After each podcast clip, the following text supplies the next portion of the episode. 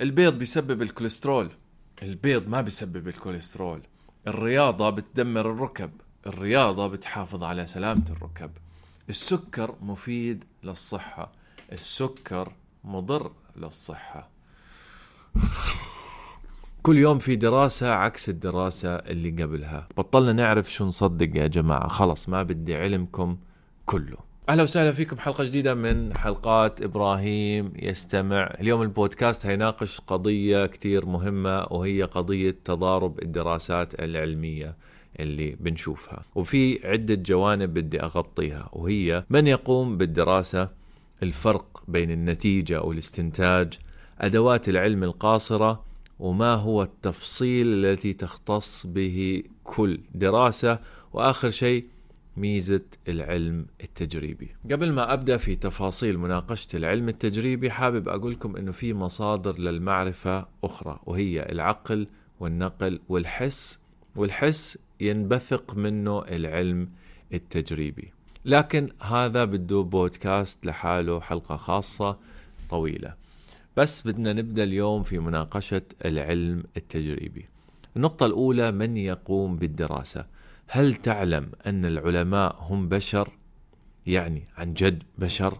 يا للهول نعم يعني هذا البشر يتأثر بظروفه بممولينه بفلسفته للحياة يعني فيعني طبيعي دراسته تتأثر بشخصية الشخص اللي بيقوم فيها في عام 2015 كوكاكولا دعمت جامعة كولورادو بمليون دولار تخيلوا تأثير هذا الدعم على توجه الباحثين والبحث هناك حتى لو كان تأثير مخفي هم أنفسهم مش واعيين فيه بالشكل الكبير. ممكن حدا يطلع لك ويقول لك إنه العلم التجريبي هو قائم على التجربة في المعمل فقط فمستحيل إنه يكون في أي تلاعب.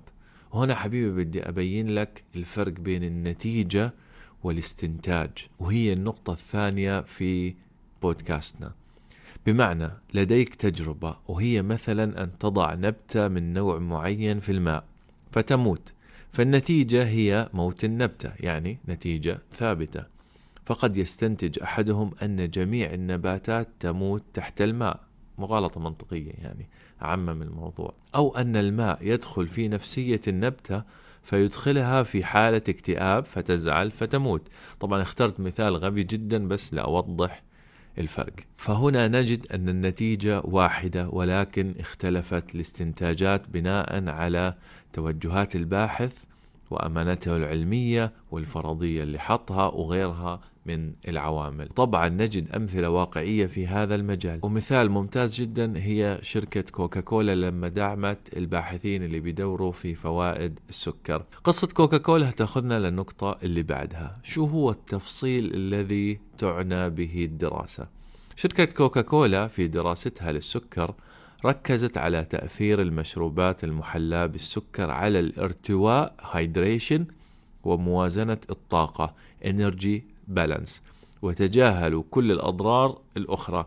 يعني قالوا لك أنه المشروبات المحلاة بالسكر بتساعد على الارتواء وعلى المحافظة على الطاقة وتجاهلوا كل المضار الأخرى التي تصاحب شرب هاي المشروبات. يعني كان تركيزهم على جهة واحدة هي صحيحة بذاتها لكن ككل غير صحيحة. وهكذا أغلب الدراسات أو جميع الدراسات العلمية هي تبني على التي قبلها ولكن تكون مركزة في بحث معين أو في فرضية معينة. أما النقطة اللي بعدها اللي بدي أناقشها هي قصور أدوات العلم. زمان كان في اعتقاد أن الإنسان يستخدم 10% من مخه فقط.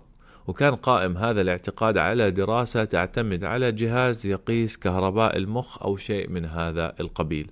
وكان الجهاز يبين فقط 10% تضاء في العقل عند القيام بنشاطات معينة لكن لاحقا اكتشفوا أن المشكلة تكمن في الجهاز يعني أدوات العلم قاصرة وفي تطور فما بتكشف لنا الحقيقة المطلقة دائما. طيب يعني ما نثق بالعلم بالمطلق؟ لا طبعا. لأنه في ميزة للعلم التجريبي إنه بيصحح نفسه. بتلاقي دراسة بتطلع في مجال معين بعدها بيوم بيطلع لك أكثر من عالم بينتقدها أو بيكمل عليها أو بيكشف مشاكلها. لكن أستغرب من الناس اللي بيقول لك إنه العلم التجريبي هو المصدر الوحيد للمعرفة وهذه قمة في بدون ما نحكي الكلمة لأنه هيك بيلغي مصادر المعرفة التي تكمل بعضها بعض. في النهاية القصد إنك ما تأخذ كل شيء بتسمعه أو دراسة بتطلع بشكل مسلم فيه. لكن ممكن تبحث عن تفاصيل هاي الدراسة وخاصة في شيء اسمه العلم الشعبوي.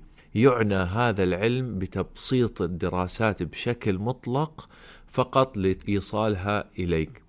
وأحيانا مع هذا التبسيط بتصير في مشاكل في نقل المعلومة واحد واثنين بصير في انتقاء. يعني بينتقي المعلومة اللي هتلاقي رواج مثل السكر مفيد للصحة وراح يترك المعلومات والدراسات اللي بتنفي هذا الشيء اللي هي مملة وبديهية للناس. يعني لو رحت لإنسان وقلت له أن السكر يسبب البدانة وفي دراسة جديدة بتأكد على هذا الشيء أحكي لك طيب خلاص تعال كل يوم. لكن لو رحت لنفس الشخص اللي بيحب المشروبات الغازية وحكيت له إنه في دراسة بتبين إنه المشروبات الغازية المحلاة بالسكر بتساعدك على الارتواء والطاقة. على طول هيقول لك والله أحلى دراسة عزيزي وبروح بيشتري لي كوكا كولا لكن في النهاية البحث العلمي هو شيء مهم جدا في تطور البشرية ولازم إحنا نتميز فيه ونكمله بمصادر المعرفة الأخرى عشان نتميز عن الآخرين. وبس هذه كانت حلقة اليوم من البودكاست. آه، حلقة سريعة إن شاء الله ما طولنا عليكم. وبس.